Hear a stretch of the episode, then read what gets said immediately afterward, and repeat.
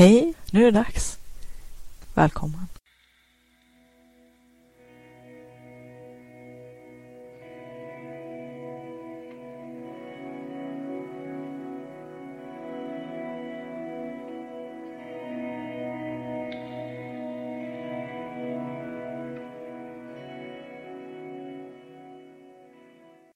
Vill du uppleva mera kreativitet och flow, få mer kvalitetstid till ditt skapande och kreativa liv, mer energi och lust, tillgång till dina kreativa superkrafter? Då har du kommit helt rätt. Välkommen till Kreativitetspodden. Hoppas att du ska ha en trevlig lyssning. Hej och välkommen till det femte avsnittet av podden. Jag sitter vid mitt pärlbord som vanligt. Eh, då jag spelar in de här poddarna i vart fall. Och idag är det en eh, ganska gråmulen dag. Vi har ju haft ett antal jättefina solskimrande höstdagar med klarblå himmel och eh, det här är den första dagen och det är lite grått. Det är några det är små hål i molntäcket så att solen kommer kanske att glimta fram. Vi får se, det har den inte gjort hittills. Men eh, just idag när vi faktiskt har passerat nära nog den första tredjedelen av oktober så känns det för mig faktiskt som att hösten är här på riktigt och det är ju väldigt sent. Men nu ser man att eh, väldigt mycket löv är gula och att det är väldigt, det är en hel del som är grönt fortfarande faktiskt. Men eh, det gula börjar ta över mer och mer och eh, så här en grå dag så syns det ju, känns det lite tydligare. Och igår så kom jag ju på att oj, det är ju faktiskt oktober nu. Hösten har, har lite blandade känslor för mig, har alltid varit för att eh, då går vi mot den mörka tiden. Och eh, vinterhalvåret känns ibland lite för långt och lite för mörkt. Men eh, de senaste, i år och förra året så har jag faktiskt inte känt att det har varit så fruktansvärt besvärligt med tanke på att vi har haft så varma höstar och och att den här äh, höstkänslan har infunnit sig jag minns en månad, kanske till och med en och en halv eller två månader senare än vad den brukar göra. Normalt så brukar jag ju faktiskt uppfatta redan i mitten på augusti, då när jag fyller år, att eh, jag fyller år den 9 augusti, eh, att eh, det är eh, de första gula löven verkligen syns för första gången då ungefär samtidigt när jag fyller år. Och att eh, fälterna är gula och att det är dags att eh, skörda vete och havre och korn och vad det nu kan vara, åtminstone i de här trakterna. Fördelen för oss som, vi, som bor bredvid en sjö det är att sjön funkar som ett värmemagasin på hösten så att vi har lite längre, lite varmare men då är ju det omvända sen på våren att Eh, sjön funkar ju då som en stor fryst kylklamp. Så vi ligger alltid två veckor efter här. Men eh, nu som sagt så har ju höstarna kommit bra mycket senare och eh, det känns lite lättare då faktiskt, för mig i alla fall. Eller så kanske jag helt enkelt har slutat att oroa mig för att när hösten kommer så har man en lång och mörk vinter att se fram emot. Jag vet inte. Det är en ny känsla som jag haft de senaste två åren. Vi får se. Men eh, då igår när det slog mig att det är ju faktiskt nästan mitt i oktober och herregud, nu är det ju snart dags för snö och is och mörker. Under ett helt halvår, hur ska jag orka, hur ska jag stå ut? Men sen så lugnade jag mig lite grann och kände att ja, men månaderna går ju ändå ganska fort faktiskt. Tiden går ju ganska fort. Det är bara det att, Eh, igen, som jag pratade om förra gången, det här med att bygga upp mentala murar och att eh, kanske skrämma upp sig själv i förväg. Det är vi ju jätteduktiga på. Vi är väldigt effektiva och där eh, så vet vi precis vad vi gör. Vi kan trycka på exakt de rätta knapparna för att må så genuint illa som bara vi kan eftersom att vi vet naturligtvis våra egna knappar, våra egna triggers för saker som är jobbiga eller obehagliga eller inte önskvärda. Därför så har jag för några år sedan så fattade jag det beslutet att jag ska se till att varje eh, årstid, varje månad har sin inbyggda glädje. någonting att se fram emot varje månad som är, som är bra med den månaden. Någon fast, något fast inslag som jag känner att det är någonting som jag kan hålla fast vid. Det är en slags flytboj. För varje säsong eller varje årstid, varje månad har sina problem och komplikationer och saker som man tycker är rätt jobbiga. Sådär. Men då när jag satt och funderade på hur ska jag få alla månader och alla årstider att ha någonting som jag kan se fram emot och känna men vad mysigt, vad härligt, vad underbart.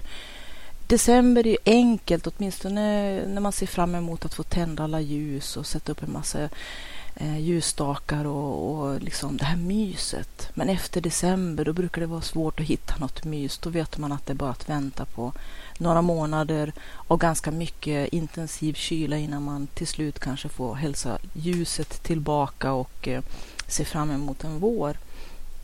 Men den allra, allra svåraste månaden, det är ju november. November, det måste ju vara den tungaste månaden av alla. Det har jag alltid tyckt. Det är ju bara negativt. Eh, bara mörkt, bara blött, bara kallt, bara blåsigt, bara hemskt och hela den här jättelånga perioden utav mörker och kyla och vinter och snöskottning och isskrapning och glasrutor och, och allt det där. Men så kom jag ju då på för några år sedan att det faktiskt finns en sak som man kan göra i november, hela november, som gör november så väldigt värt. Och det är ju Nano Vrimo. Och det är ju då den här eh, National Writing Month som de har. Som eh, startade i USA för, ja det är väl över tio år sedan nu eller ännu mer kanske. Jag vet inte hur länge de håller på. Jag deltog första gången i alla fall 2008 och blev faktiskt a winner. Det vill säga jag lyckades skriva 50 000 ord på en månad i november.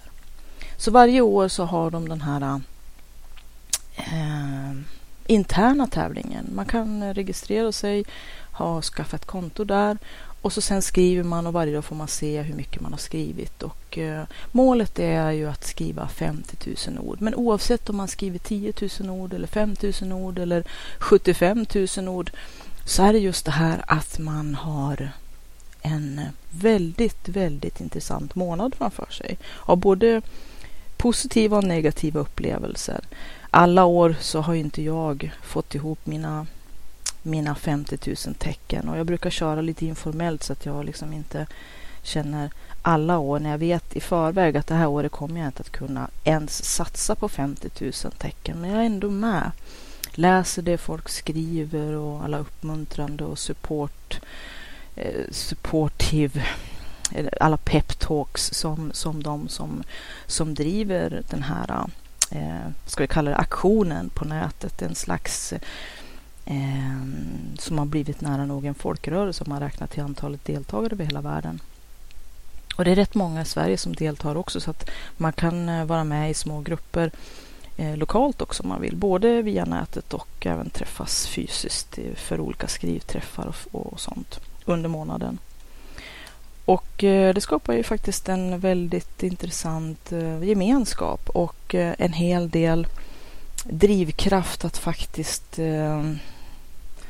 delta och ja, nå det här målet att skriva eller ja, som det är för mig skapande och skrivandet kan ju vara väldigt, väldigt fritt, för det är ju en av grundtankarna med den här äh, skrivmånaden, att man ska inte ha någonting skrivet i förväg. Man har rätt, äh, eller rätt och rätt, men man får naturligtvis äh, göra sina interna regler om man vill det. Men att eh, tanken är att man inte ska ha någonting i förväg eh, klart. Möjligtvis en grov outline eller en, ett händelseflöde som man har tänkt, eller en slags inriktning eller vad man har tänkt ja, helt enkelt en idé om vad man har tänkt skriva i grova drag. Så tanken är ju lite grann det som jag var inne på i en tidigare podd här. Det här förbehållslösa och, villkorslösa skapandet. Eh, ja, apropå det har jag gjort faktiskt min första ängel här. En eh, ängel utav en jättefin sån här eh, Millefiori-pärla, alltså tusen blommor. Det är en, en handblåst pärla med massvis med fina blommor i, ingjutna i. Så att, eh, med miniatyrvingar vingar, så att det vart en ja, tre centimeter lång ängel här med silvervingar och eh, en eh, facetterad slipad glaspärla som huvud och en liten sån här Daisy som, som Gloria. Blev jättesöt faktiskt. Jag älskar att göra änglar. Kan jag. Idag hade jag faktiskt tänkt att göra ett helt gäng änglar. Eh, så det blir lite tempoarbete. Men det är ett typ av tempoarbete som jag tycker är ganska så meditativt eftersom att jag gillar att göra änglar och hängen som jag, som jag, som jag vet blir jättevackra. Och så varierar ju naturligtvis vilka pärlor. Men eh, jag kan sitta och göra sådana eh, in massor då. Så jag tycker det är så himla mysigt. Dels så har jag skänkt bort en hel massa till välgörande ändamål. De har julbasarer varje år. Så att man säljer dem eller auktionerar ut dem. Och eh, pengarna går till olika ändamål. Vissa år till exempel till att eh, komma med julmat till personer som egentligen inte har någonting. Och eh, det tycker jag är fantastiskt bra att kunna bidra. Eh, jag har ju gjort en hel del änglar och det, jag vet att det är många andra som också gör samma sak som mig. De köper material, antingen i egen regi eller genom till exempel sin kyrka eller eh, något annat eh, välgörenhets, någon, någon sån här um, förening eller, eller någon organisation. Och så sen sitter eh, ett gäng och gör en massa änglar som de sen säljer eller auktionerar ut eller har på olika loppis eller basarer i olika kampanjer och så drar in pengar för. Så att eh, jag fick faktiskt en blomma för att de hade dragit in så himla mycket pengar på de här änglarna då när jag hade skänkt ett gäng. Så att eh, eh, det var ju en sån här eh, grej som jag inte hade förväntat mig och som jag inte, inte väntat mig alls. Men jag blev jätteglad i och för sig. Eh, även om att, eh, ja, uppskattning och bekräftelse är alltid jättetrevligt. Så att, eh, och de fick som sagt in ett antal modiga tusenlappar så att eh, de köpte en blomma till mig och det, det var fint. Men jag hade inte förväntat mig någonting. Om jag inte hade fått någonting mer än ett tack så hade det varit faktiskt glädje nog att faktiskt få bidra. Så att eh, det är inte det det handlar om. Men det här ovillkorliga, villkorslösa, förbehållslösa skapandet. Det här att få skapa fritt och inte ha så himla mycket mentala hinder uppbyggda. Som jag har pratat en del om. Det tycker jag också den här eh, Nano Vrimo. Kolla gärna det på, på nätet. Eh, National Writing Month. Eh, det finns eh, ganska mycket skrivet om det redan. Så att det borde ni kunna hitta enkelt. Eller du kunna hitta enkelt. I alla fall så märkte jag första året när jag deltog 2008 att eh, faktiskt helt otroliga osedda eller krafter som jag inte ens visste fanns där inne av kreativitet. Även om mycket av det man skriver under den här äh, nano och vrimo-månaden i november kanske mera är skit än kanel så är det faktiskt så här äh, att, äh, att vara helt frisläppt på grönbete utan några som helst krav eller mål eller redan färdiga foller eller alla de här kraven som vi liksom klämmer in oss själva med så att vi till slut blir totalt låsta och blockerade. De är borta under den här skrivmånaden när man bara får skriva. Egentligen handlar det om att skriva som en, som en dåre för att få ihop sina 50 000 ord. Och eh, vitsen med det är ju att frigöra de här eh, låsta kreativa underströmningarna. Att faktiskt få skriva hur mycket tok som helst rent ut sagt. Och ur allt det här toket så, så tänds en massa helt oväntade idéer, uppslag och infall som man eh, kanske inte på något vis, det är nästan lite grann som att eh, Ja, som när man drömmer, när man ligger och sover och vaknar på morgonen och tänker men gud, vad, vad sjutton har jag drömt? Så kan man väl inte ens tänka liksom så här. För att det finns, eh, det blir nästan helt eh, schizofrent liksom. Men på ett härligt sätt därför att man liksom eh, frigör de här kreativa sidorna hos sig själv som man inte ens visste att man hade. Och det är en fantastisk upplevelse. Även om att också som sagt eh, det går upp och ner under den här skrivmånaden. Ibland så är det nästan det mest underbara som, som har hänt en. Man sitter och skriver så att eh, det glöder om tangentbordet. Och även om man vet att mycket av det man skriver kanske inte direkt kommer att bli användbart så är det en, är en otroligt frigörande eh, upplevelse och övning. Men sen vissa dagar naturligtvis så känns det bara som eh, ett krav. Man vet ungefär hur många, hur många ord eller tecken per dag i snitt man måste göra för att ha en susning att klara 50 000 ord. Även om att jag inte ser så himla hårt på att man faktiskt måste eh, bli a winner som de säger då. Men det är faktiskt också eh, oerhört många som, som går i mål. Många som till och med skriver mycket mer. Det som jag märkte som kanske var det största hindret det var ju naturligtvis att anpassa ens vardag och verklighet kring skrivandet. Men samtidigt så ger ju det också en fingervisning om hur det är att skriva i, i, i vardagen, i verkligheten på riktigt. Att man faktiskt måste avsätta viss tid. Man kanske inte gör det lika intensivt som under, under Nano Brimo i november. För det är lite grann en, det är väl det som är en del av upplevelsen, att det är en, en eh, ganska speciell upplevelse. Det är nästan ett eget tillstånd, ett, eh, ett eget medvetande tillstånd när man går in i den här eh, när man har möjlighet, jag har ju som sagt inte varje år möjlighet att göra det, men de år när man har gått in för det lite mer, eller ganska mycket, att det blir nästan ett, ett helt annat medvetande tillstånd. Liksom. Men då måste man ju som sagt eh, anpassa och planera lite grann och se till att inte ha så himla mycket inbokat i kalendern. Och det ger ju en fingervisning om att om man ska skriva och få, eller skapa överhuvudtaget, det handlar ju om vad, vad det än är, om det är oljemålning eller om det handlar om att binda flugor till flugfiske eller om det handlar om pärlor eller om det handlar om att uh, göra ett antal änglar till en julbasar eller uh, ja, whatever liksom. Så är det det att man måste avsätta en viss tid för att regelbundet göra en ganska stor klump med arbete. Men om man delar upp det på, på små, små portioner och tar ett steg i taget så är det inte så vansinnigt betungande. Det är bara det att vi har en tendens att eh, inte göra det. Utan eh, tänka att vi ska alltid göra någonting sen. Sen ska vi skriva den stora romanen. Sen ska vi göra det fantastiska smycket som vi har drömt om i flera år och så vidare. Men vi kommer aldrig till skott. Och där har vi också de här mentala murarna, att vi bara väntar och väntar och alla, alla saker måste vara perfekta. Vi måste ha alla material klara, vi måste ha alla förutsättningar och det är att månen ska stå i en viss vinkel kontra Venus och eh, Jupiter och eh, så vidare och så vidare. Till slut så har vi satt upp så himla mycket om och måste innan vi kommer till skott. Och det tycker jag är så bra också med den här eh, Nano och Vrimo.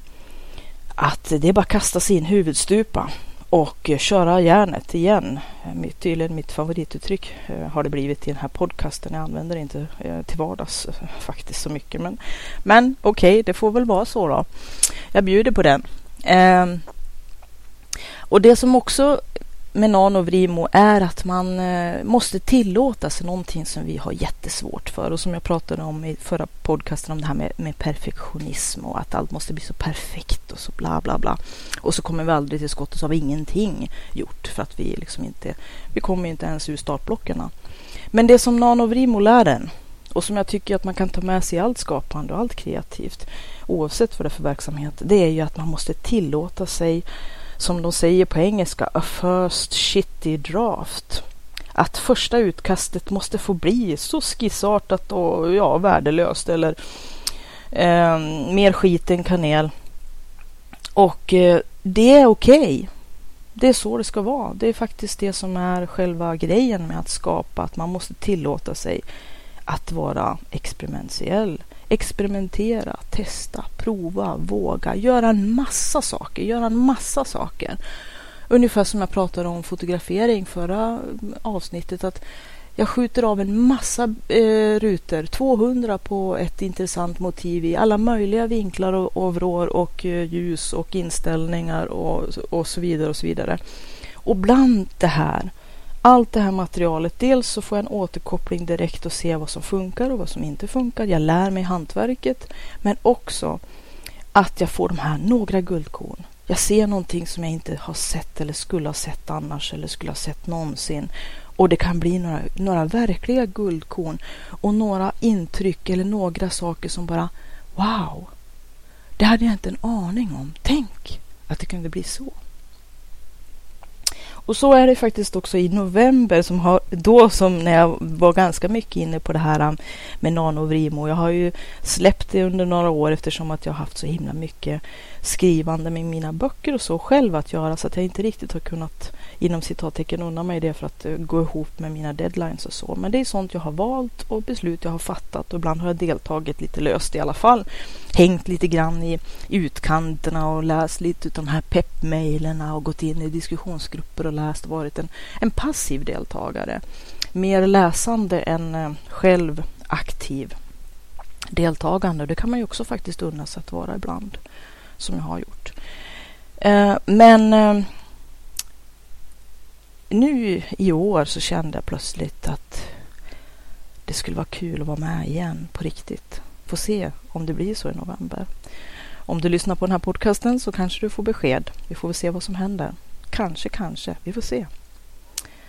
Um, men just det här med att unna sig, att faktiskt, faktiskt, det handlar inte bara om att unna sig, att om man nu ska komma vidare i sitt kreativa liv och i sitt skapande och eh, förlora.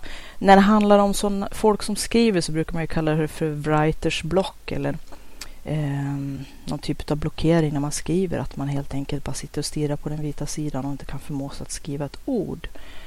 Och den tror jag, writers block beror ju jättemycket på att man har så högt ställda krav på sig själv och på vad det ska bli och att det ska bli perfekt från början. Att man låser sig helt enkelt.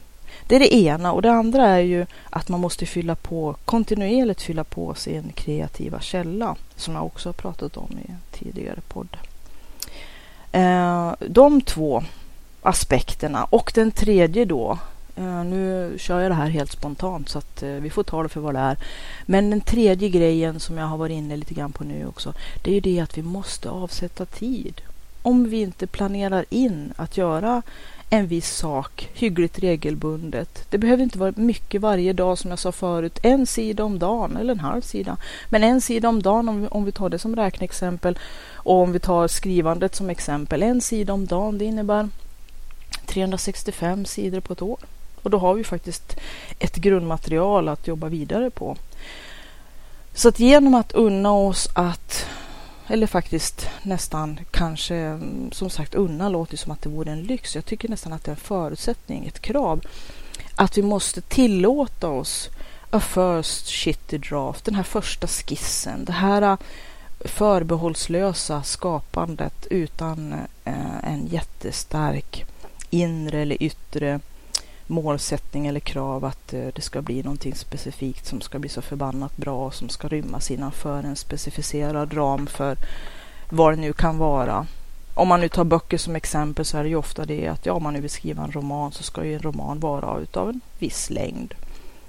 Och så kanske man skriver fantastiskt intressanta och viktiga texter men att de blir bara 15 sidor och är färdiga då, avslutade med kanske till och med väldigt eh, Eh, raskt avslut som eh, en riktig final så att det inte handlar om att man bara tappade sugen och att det blev någonting som bara rann ut i sanden utan att ja, det faktiskt blev en riktig text. Men de här 15 sidorna kan väl vara viktiga de också. Även om de inte fyllde ramen för det blev inte den stora romanen den här gången heller. Ja, än sen då. Det kan vara ett arbete värt i alla fall och som kan användas på olika sätt. Men eh, det här first shit draft som man säger, det tror jag är jätteviktigt i skapandet. Att tillåta sig den här skissen, det här experimenterandet, det här att lära sig hantverket och eh, att göra det på sina villkor, vilka det nu är.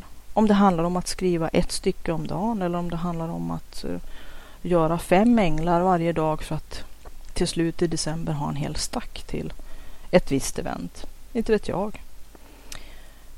Men eh, det måste ju du fundera lite grann på själv.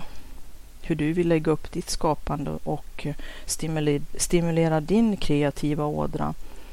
Eh, Men som jag också sagt tidigare, ju mer man håller på ju mer får man. Det är lite grann det här med investeringar, att ju mer man investerar, ju mer man engagerar sig, ju mer man satsar, ju mer får man tillbaka.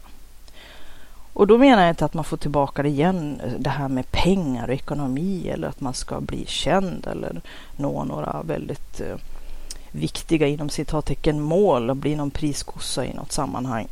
Nej, det är inte det jag pratar om, utan det handlar om den personliga tillfredsställelsen. Att känna, jag gjorde det som jag ville göra. Det som var viktigt för mig för att förverkliga mina inre förhoppningar och drömmar och visioner om det som jag faktiskt ville skapa. Det som var viktigt för mig. Och jag såg till att skapa mina egna förutsättningar för att faktiskt få göra det. Och eh, det är väl lite grann där som många kör fast och som jag tror att det är viktigt att få syn på. Att det hänger ju på en själv att ta ansvar för. Man kan inte bara gå omkring och hoppas och önska och drömma om saker eller prata om saker hela tiden. En del gör ju det, de pratar om grejer hela tiden. De, ska prata, de, de kan prata om att de ska skriva den stora romanen i hela sitt liv men inte ett blad blir skrivet. I alla fall inte som blir känt. Um, så att uh, snacka kan vi göra efteråt som jag brukar säga. Jag är lite kärv på det sättet. Jag är mer den här som vill göra först och sen kan vi liksom diskutera lite grann. När man känner sig lite mer säker i sadeln och faktiskt har åstadkommit en del saker. Och det är väl kanske det som är lite surt också. Att då är det mycket enklare för då har man ju både självförtroende och ändå kan säga att ja men jag har gjort det här och det här. Då har man fått ett slags berättigande och det tycker jag också är så himla tråkigt att vi måste hela tiden ha någon slags yttre bekräftelse eller någon be, något be, berättigande att få, få vara den vi vill vara. Det är ju väldigt skämmigt att, att, säga att man håller på att skriva på en bok om man inte har publicerat någonting och helst redan är en, en, eh, en eh, bestseller. Eh, men, men på något vis så kanske man kan få ett lite större självförtroende när man väl har kommit en bit på väg. Och en annan sak som jag tror kan vara himla viktig, det är ju att träffa likasinnade. För att eh, hur den är, de vanliga människorna som kanske fortfarande är kvar i drömstadiet och kanske tycker du är en dryg jävel, rent ut sagt, som, som påminner dem om de drömmar de själva egentligen i grund och botten är. Eller att de har svikit sig själva genom att inte förverkliga dem, de andra drömmarna, om de nu har andra typer av drömmar än de du har. Att de inte har förverkligat dem, att de faktiskt har eh, svikit sig själva, att de, att de inte har tagit tag i de här sakerna som ändå är lite grann utav meningen med varför vi är här. Som man säger, det är ju lättare att, att eh, eller man inser ju väldigt lätt att man kommer att ångra det man inte gjorde. Och livet är en ändlig resurs. Så att eh, det är här och nu som gäller. Och eh, när du påminner andra människor om, om deras egna drömmar som de har svikit och att de har svikit sig själv kanske. För att de har varit feg, för att de inte haft modet. Eller för att de inte har helt enkelt skaffat eller ordnat de förutsättningar som behövs för att eh, förverkliga det som är deras dröm. Att de har gjort det lite lätt och enkelt kanske och bekvämt för sig själva genom att ignorera eller tränga undan eller säga jag ska göra det sen hela tiden. Men till slut så börjar ju det där att klinga lite falskt och eka lite, lite tomt. Och då är det inte så kul om det kommer en person som eh, påminner dem om det. Så att om du möter personer som inte är jättehippa över eller jättepepp över det som, som du vill göra och som kanske inte känns så peppande för dig när du känner att ja, men ge mig lite stöd, ge mig lite bekräftelse, supporta mig lite grann här. Jag försöker göra någonting bra här. Så är det inte för att vara onda eller elaka eller missundsamma kanske direkt egentligen mot dig, utan det är bara det att du har påmint dem om någonting som, som, som gör ont i dem själva och som de inte vill se, inte vill konfronteras med eller inte vill, inte vill ta tag i. Och då är det mycket lättare att inte att inte bli påmind om, om det. Och det är ju faktiskt deras problem. Liksom det är mitt och ditt problem att uh, ta ansvar för ens eget liv, sin egen person, sina egna drömmar, sina egna visioner, att förverkliga det som man vill och kan. Man kan ju inte faktiskt uh, förverkliga allt på samma gång. Det kanske man måste ha en viss förståelse för. Och att man lite grann måste välja. Jag kan ju inte syssla med med en massa saker parallellt på väldigt, väldigt djup eller hög eller engagerad nivå. För, för, för dagen har ju bara ett visst antal timmar och där är ju faktiskt livet väldigt demokratiskt. Det finns bara 24-7, alltså 24 timmar per dygn, sju dagar i veckan, 365 dagar om året. Och förhoppningsvis kanske vi får leva i snitt 80 år om vi har tur. Men eh, därför så kan det ju vara lämpligt att sätta sig ner med sig själv, som jag pratade om förut, att lära känna sig själv, veta vad som är det viktiga för en, de viktiga värderingarna i ens liv. Vad är det jag vill? Vad vill jag att mitt liv ska ge? Vem är jag? Vart är jag på väg? Måste jag ändra min kurs nu? Eller fortsätta, fast kanske lite mer, eller lite mer på ett annat sätt, på den väg som jag redan är för att nå dit jag vill? Så det är viktiga frågor att ställa sig själv då och då med jämna mellanrum faktiskt. Och när man har gjort det så kan man ju sen sätta sig ner och göra en, en plan. Det är ju bevisat att de som har en plan, de förverkligar och eh, åstadkommer faktiskt det som de har satt före sig i långt mycket högre utsträckning än de som inte har det. Speciellt om man har en skriven plan. Och eh, de som faktiskt har en skriven plan kontra de som inte har en skriven plan som faktiskt ändå förverkligar det de har tänkt sig. De som har en skriven och mer strukturerad plan, de gör oftast det, det de har tänkt sig på mycket kortare tid. Därför att de har delat upp det kanske i, i en plan på kort, mellan och lång sikt. De kanske har delplaner för varje fas så att säga. Nu låter det väldigt tekniskt avancerat och, och, och så nästan som ett jobb. Men just det här, det behöver inte vara så himla komplicerat eller så himla avancerat. Man har kanske bestämt att jag vill nå hit och hit på, låt säga fem års sikt. Och på vägen dit måste jag ha nått de här och de här målen för att så att säga komma i mål dit bort om fem år. För varje år så måste jag ha åstadkommit det och det. Och varje månad innebär det att jag kanske måste ha gjort det och det. Och så sen så bryter man ner i steg för steg. Egentligen är det viktigast att veta vad är nästa steg? Vad måste jag göra nu för att sen kunna göra det här, för att sen kunna göra det här och så vidare tills att man har faktiskt nått ett färdigt mål. Det är ju ganska mycket hur projekt fungerar. att man har naturligtvis ett projektmål, ett övergripande mål och sen har man en massa delmål och så har man en tidsplanering som eh, prickar av varje delmål och delar upp allting i steg för steg. Vem som ska göra vad och när. När det handlar om att man jobbar med flera personer i ett projekt. Eh, för en, en själv, när man jobbar själv som jag gör, då handlar det väldigt mycket om att man både är projektledare och utförare och eh, det finns inte någon annan som kan rycka in och göra allting som står i planen. Så att eh, jag är ju ansvarig för att allting också blir utfört. Helst hyggligt i tid också. Så att eh, sätt dig ner och gör en plan. Det är mitt tips. Och eh, kanske också det här med att prioritera. Man vill ju väldigt mycket samtidigt på en gång men faktum är att eh, livet, verkligheten och vardagen och eh, ja, vi själva är ju inte mer än människor.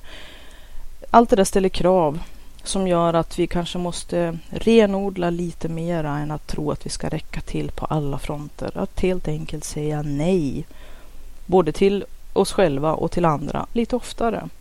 Att säga nej, jag har inte resurser, jag har inte bandbredd för att klara det här. Och så sen renodla lite mera tydligt. Vad vill jag egentligen faktiskt åstadkomma med min tid? Och då kan det ju vara det att eh, man kanske inte kan bli både eh, debuterande författare och komma ut med sitt första mm, Eh, Eh, musikalbum samtidigt som man har skrivit en diktsamling och eh, dessutom har skapat en helt vansinnigt vacker eh, linje för smycken eller kläder och så vidare och så vidare och så vidare. Eh, att helt enkelt, även om att man inte ska begränsa sig själv, men, men ändå förstå att jag måste prioritera. I år så satsar jag på det här och på det här och på det här. Några få saker utöver det som man är satt att göra i övrigt som, som helt enkelt måste gå ihop.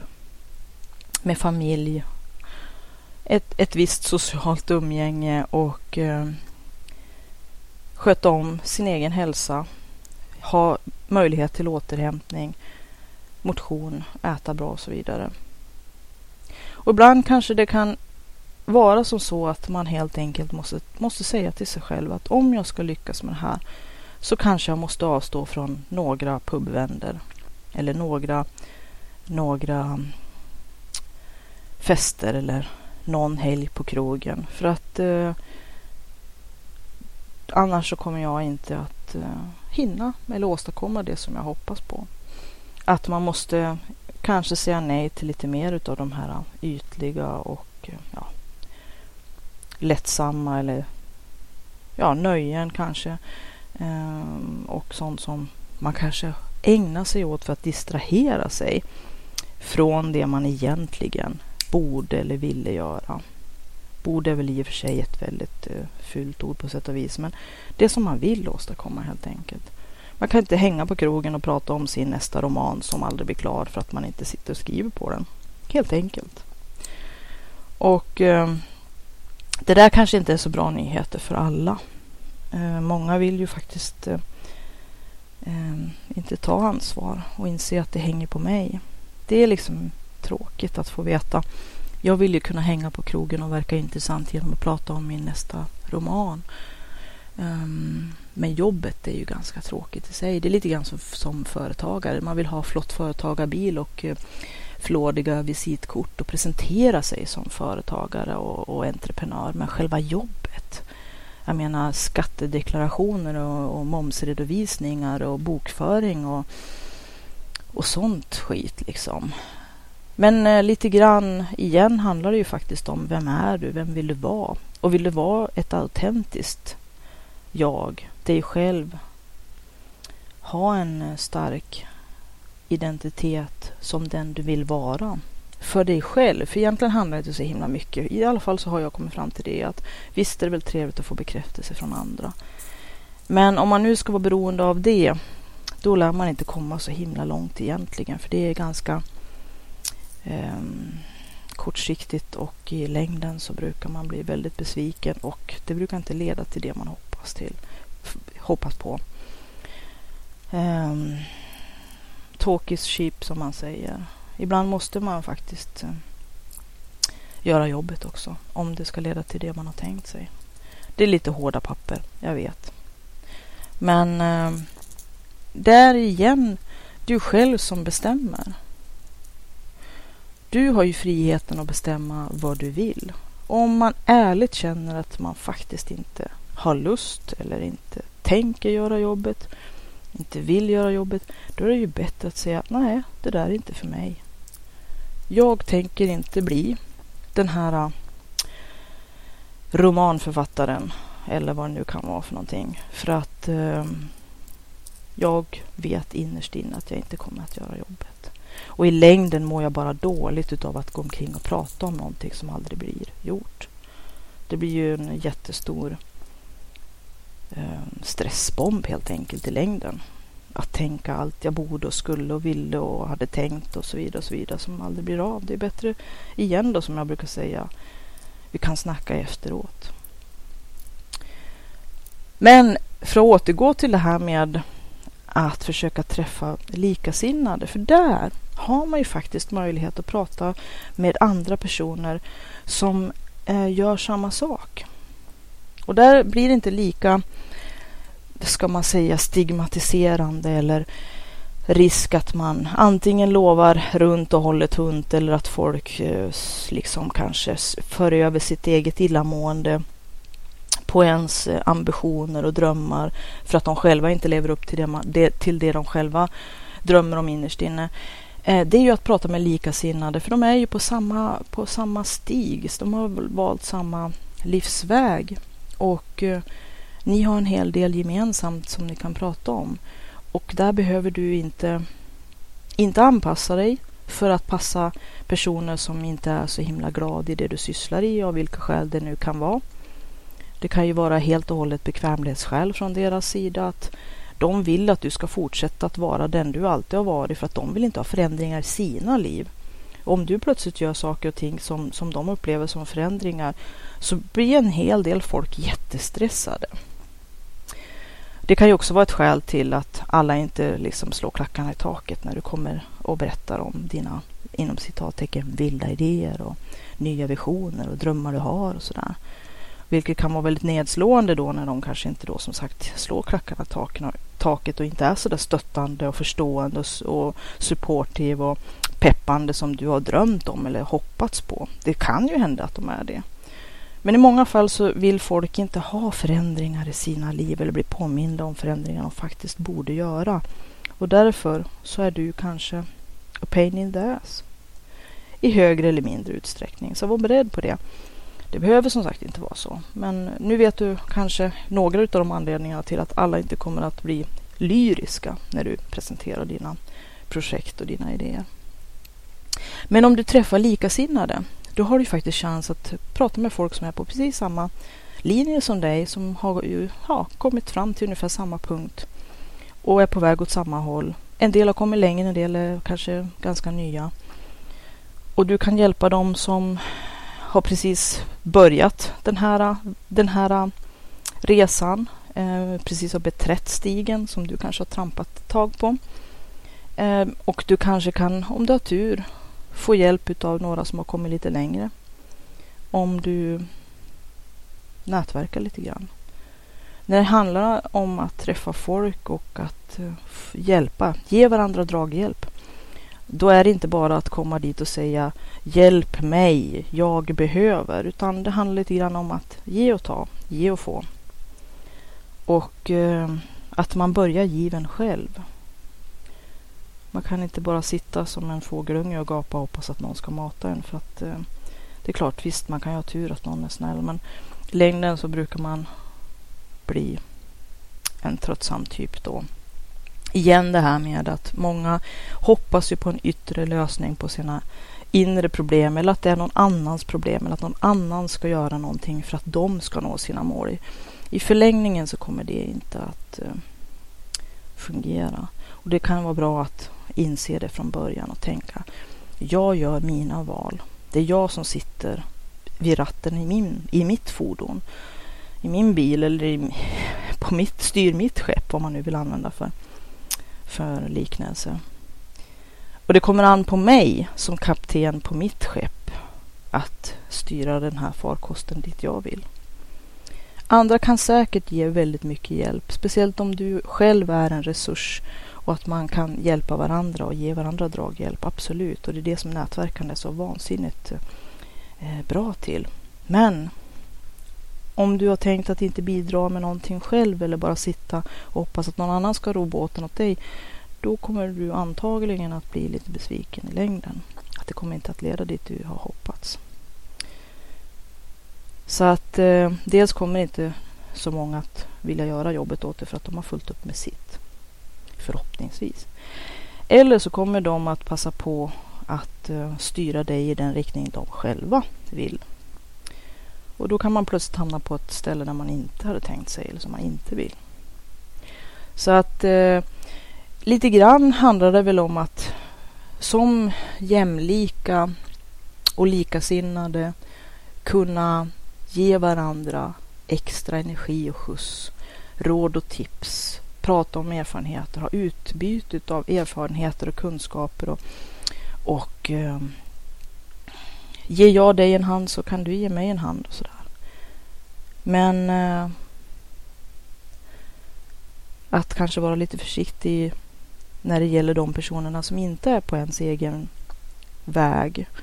Eftersom att som sagt eh, de är av naturliga skäl oftast mindre intresserade och kanske inte orkar prata lika mycket som du om det du är jätteintresserad av.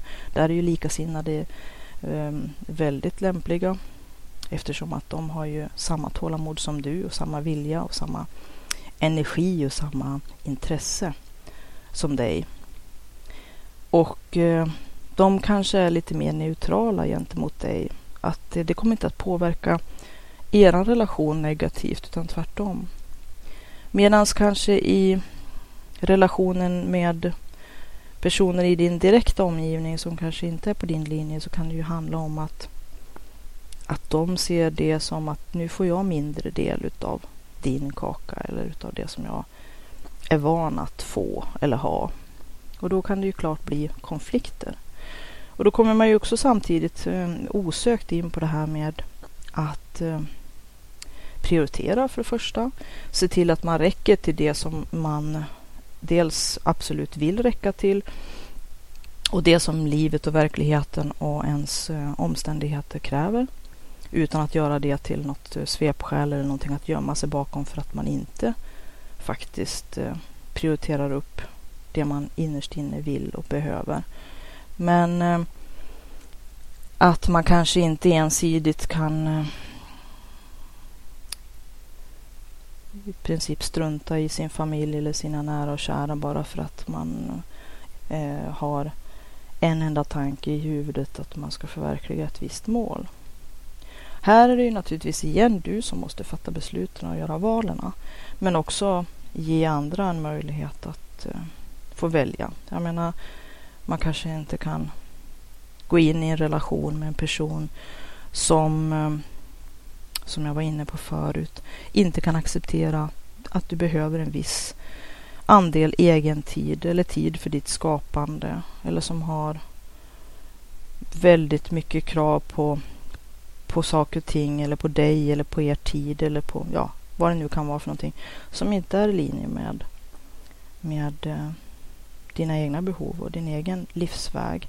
Lite grann handlar det om att hitta de personerna som är på väg åt samma håll som... Eh, för att ska man ägna en stor andel av sitt liv eller sin energi och tid till att vara i ständig konflikt och strid med personer som ska vara förmodat nära och kära oavsett om det är du eller dem eller ni tillsammans som, som, som skapar de här konflikterna och den här frustrationen och, och här, den här friktionen.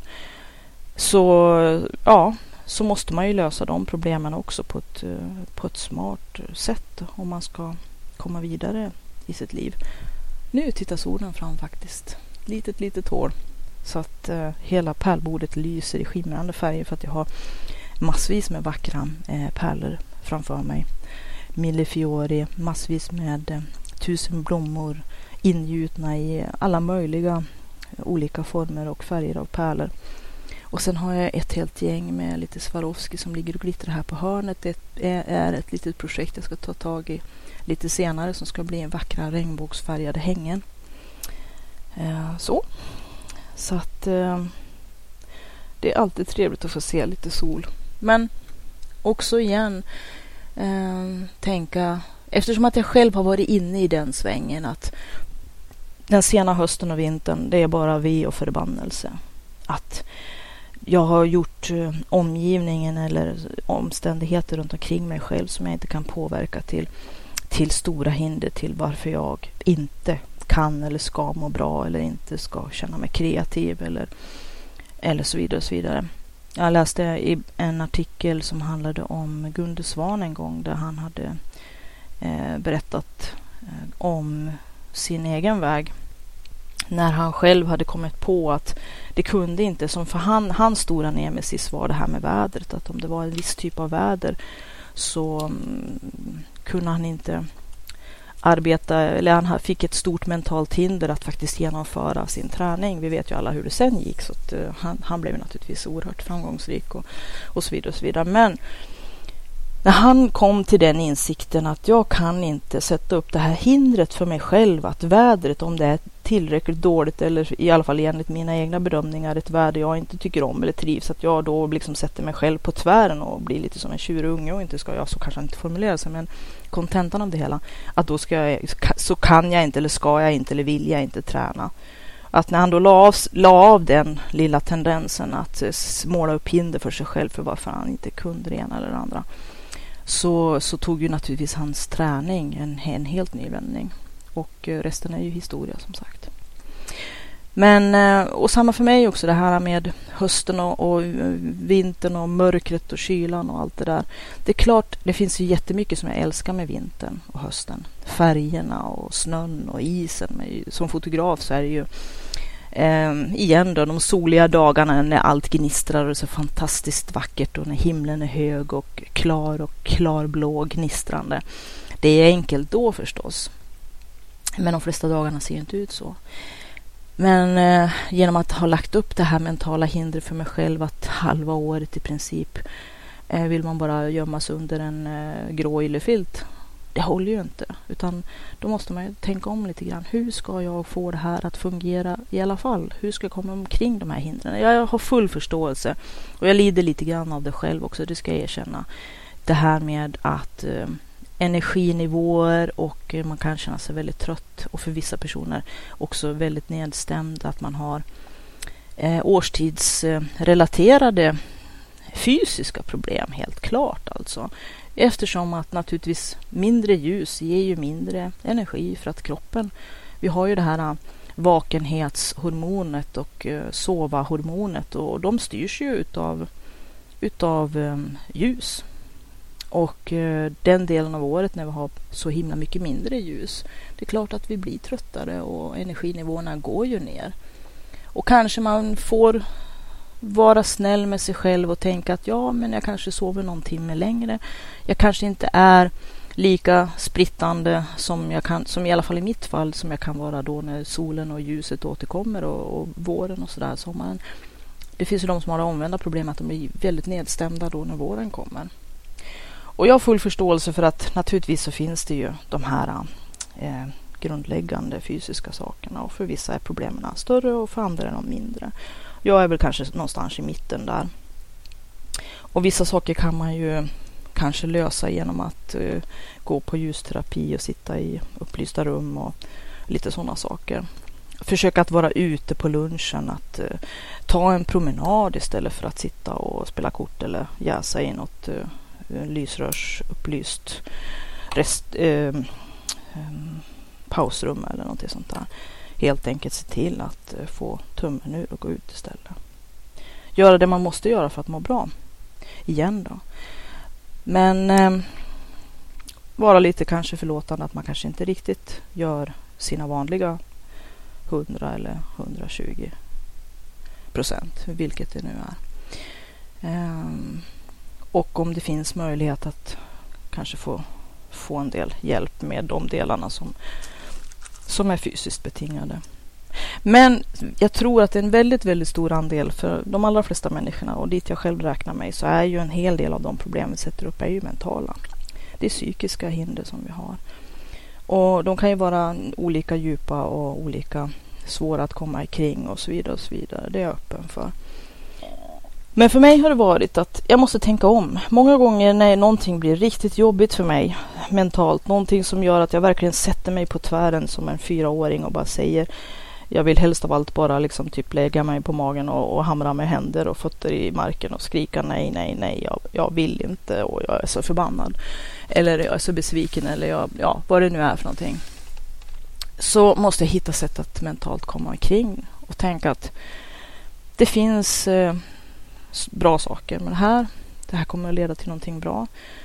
Och ibland också renodlade metoder för, för sådana saker som återkommer ofta, som till exempel det här med årstidsväxlingarna. Det är någonting som, så länge jag bor i Sverige så kommer jag få leva med det. Och eh, det har ju sina fördelar också, som sagt. Men eh, när jag nu, som när det gäller den här äh, uh, nanovrimo, den här skrivmånaden, insåg att november, det kunde ju faktiskt bli en riktig kvalitetsmånad. Tänk att faktiskt få sätta sig vid sitt tangentbord på regelbundna tider och en månad när man ändå tycker att allting är pest och pina och mm, inte så mycket händer. Man kan ju inte vara ute precis i trädgården och så vidare. Gärna inte, ja, det är klart man kan vara ute, men inte i samma utsträckning kanske som en fin vår och sommar. Men då är det ju perfekt att kunna hänge sig till skrivandet Och inte ha något dåligt samvete för att man sitter inne ens en gång. För det kan ju vara ett problem ibland när man är en skapande person. Att eh, det kräver en hel del tid vid skrivbordet eller pärlbordet eller vart man nu är. Om man nu är nere i en källare och håller på med snickeri eller vad, vad det nu är. Att eh, när man tittar ut och känner, ja men egentligen vad håller jag på med? Jag borde ju faktiskt vara ute nu, inte hålla på med det här. Och då är ju faktiskt hösten och vintern är ju en perfekt årstid att kunna hänge sig till sånt som inte riktigt känns okej okay när det är lite för fint väder ute och när man faktiskt borde vara ute och röra på sig och ladda sina batterier. Eh, dra in så mycket ljus som möjligt och röra på sig och jobba på, sin, på sitt välmående helt enkelt. Både fysiska och psykiska. Och eh, fånga dagen helt enkelt. Så ehm, på vintern och den sena hösten, då är det ju grönt ljus att sitta inne lite mer. Sitta i soffan och läsa böcker till exempel. Helt okej. Okay. Och sitta vid skrivbordet och skriva sina sin kvot. De ord som man har bestämt i förväg att man vill dra in om man nu har sådana mål. Jag tror att man ska försöka hitta sin metod när det gäller att sätta upp mål. För vissa funkar att säga jag ska skriva si och så många tecken eller si och så många ord vid varje eh, planerat eller regelbundet skrivpass. För andra så är det ett sätt att eh, bli jättelåst. Och de kanske mera måste ha det viktiga att jag sätter mig vid skrivbordet och skriver och jag öppnar dokumentet och läser igenom det jag skrivit förut och då brukar oftast inspirationen och den rätta andan infinna sig och så fortsätter jag skriva det är. Men eh, hur det nu än är med den saken, att känna att nu är det tillåtet, nu är det grönt ljus. Nu är det ändå den här tiden på året när man inte rimligtvis kan kräva att man ska ta vara på solljuset för det finns inget för det är mörkt där ute. Så, så kan det ju faktiskt vara en, en tillgång, en resurs. Och lite grann är ju jag säsongsbetonad i vad jag sysslar med. Det blir ju så i alla fall när man eh, är dels beroende av ljuset som jag är lite grann och dels eh, när man eh, känner att det finns så mycket annat man vill göra när, när vädret och årstiden är det rätta. Eh, så för mig har ju november nu blivit en, en eh, drömmånad. En, eh, en månad som är fri för mig att riktigt, riktigt eh, frossa i skrivandet och sitta vid skrivbordet utan att skämmas det minsta lilla.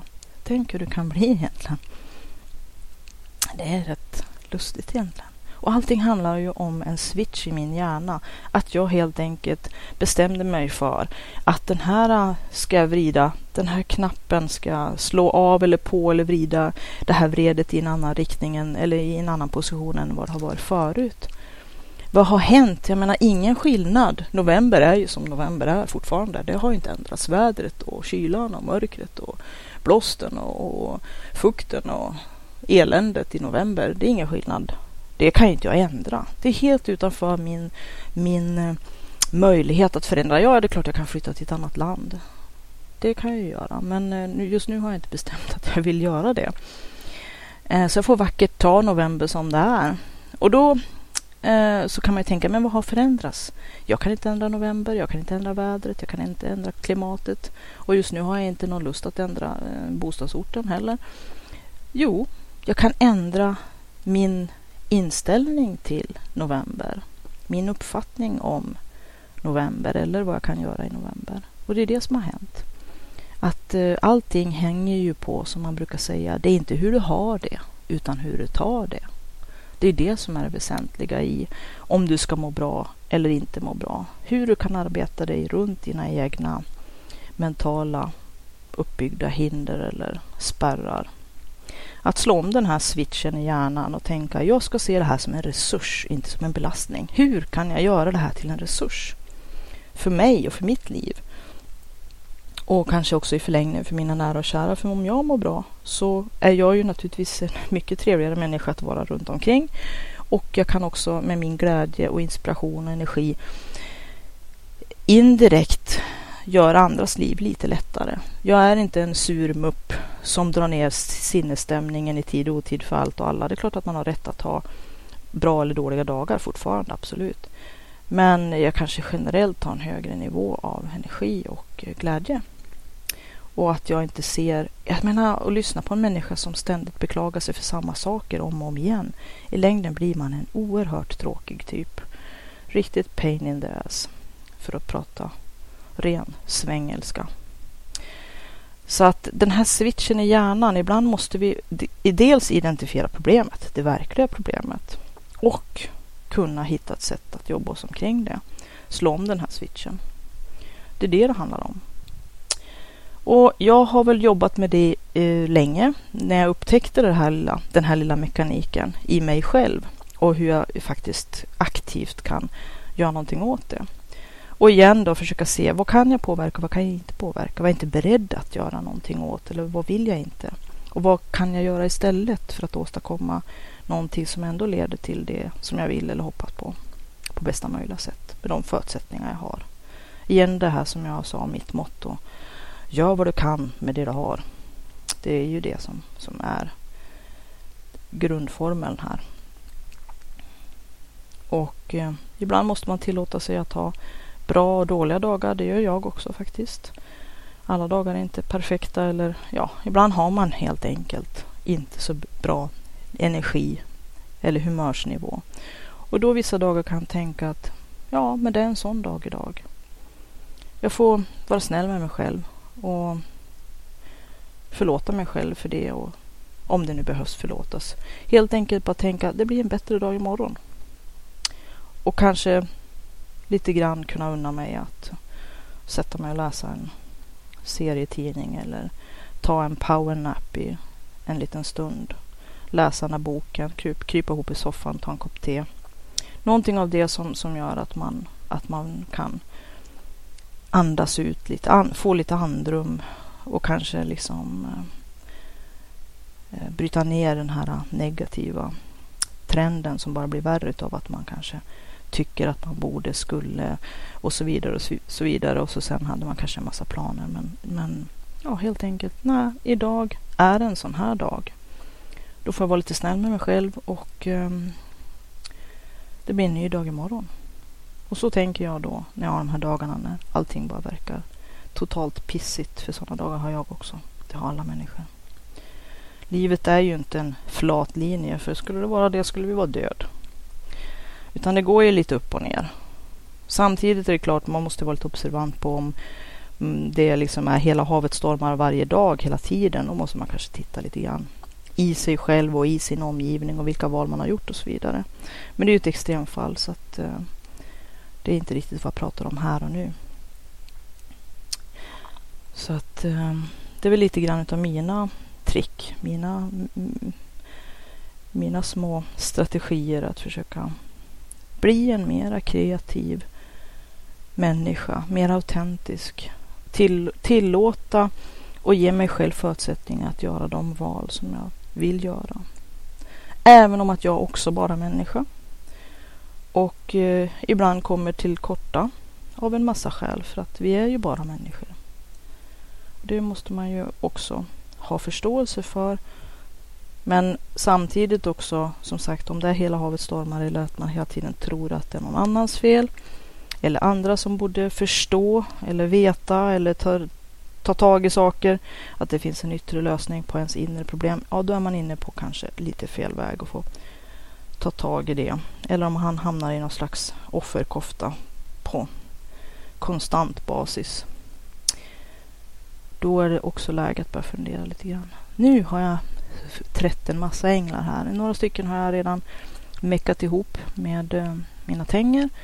Eh, en, två, tre, fyra, fem, sex, sju sådana. Nej, åtta, nio färdiga. Eh, och sen har jag en, två, tre, fyra, fem, sex, sju, åtta, nio, tio, elva, tolv, tretton, fjorton, femton, sexton, sjutton, arton, nitton, tjugo, tjugoen änglar som är trädda på sina eh, hattpinnar som jag ska mecka ihop själva hänget med mina tänger. Så att, att, ehm, Och det har skett nu medan jag har pratat så att jag har inte jobbat så där jätteeffektivt. Men det har varit ett lite trivsamt pyssel och lite meditativt och eh, har gjort att jag har kunnat fördjupa mig i de här tankarna och i det här samtalet. Jag hoppas att det har varit lika givande för dig som det har varit för mig. Och eh, jag eh, säger som jag har sagt förut att det går bra att kontakta mig via mail och alla de kontaktuppgifterna, bland annat mejladressen, eh, finns på www.sidharta.se och Sidharta med Z och 2D. Z-I-D-D-H-A-R-T-A. Och eh, hoppas att du vill lyssna på nästa avsnitt. Ha det bra. Sköt om dig. Tack för att du har lyssnat på den här podden. Hoppas den var till mycket nytta och glädje. Om du vill läsa mera om Siddharta, gå in på www.siddharta.se Z-I-D-D-H-A-R-T-A.se. Där finns också kontaktuppgifter så att du kan till exempel mejla om du har frågor eller kommentarer eller vill ta upp något ämne som du gärna vill höra på podden i framtiden. Välkommen att höra av dig. Kreativitetspodden har också en egen Facebookgrupp så att om du söker på kreativitet eller kreativitetspodden så hittar du kreativitetspodden på Facebook. Anmäl dig gärna där som följare så får du uppdateringar löpande om nya avsnitt och saker som händer på kreativitetsfronten. Du kan också gå in på www.sidharta.se och klicka på länken högst upp till vänster bidra för att se vad du kan göra för att hjälpa den här podden att fortleva och att visa ditt stöd. Så gå in där på bidra så ser du hur det går till. Jag som driver kreativitetspodden heter Katrin Sidharta Tangen och jag är författare, järnsmed, driver www.sidharta.se och Sidhartas webbutik. Jag har skrivit flera böcker, bland annat Skapa och sälj som är en handbok för entreprenörer, kreativa och skapande människor. Jag har skrivit Forntida järn, Ancient Iron, som handlar om forntida järnframställning och eh, vikingatida järnsmide. Jag har även skrivit Pitch 13 som är en serie i genren Dark Urban Fantasy och eh, nu finns även ljudboken för kreativitet och flow enligt Siddharta. Allt detta kan du hitta på www.siddharta.se där du också kan gå in i butiken, Siddhartas webbshop, där böckerna kan köpas till bästa pris. Böckerna kan också hittas på Bokus och Adlibris och på de vanliga ställena där du köper böcker. E-böckerna kan också köpas via Kobo och eh, Amazon med flera ställen där e-böcker säljs. Ha det gott. Tack för att du har lyssnat. Hej då!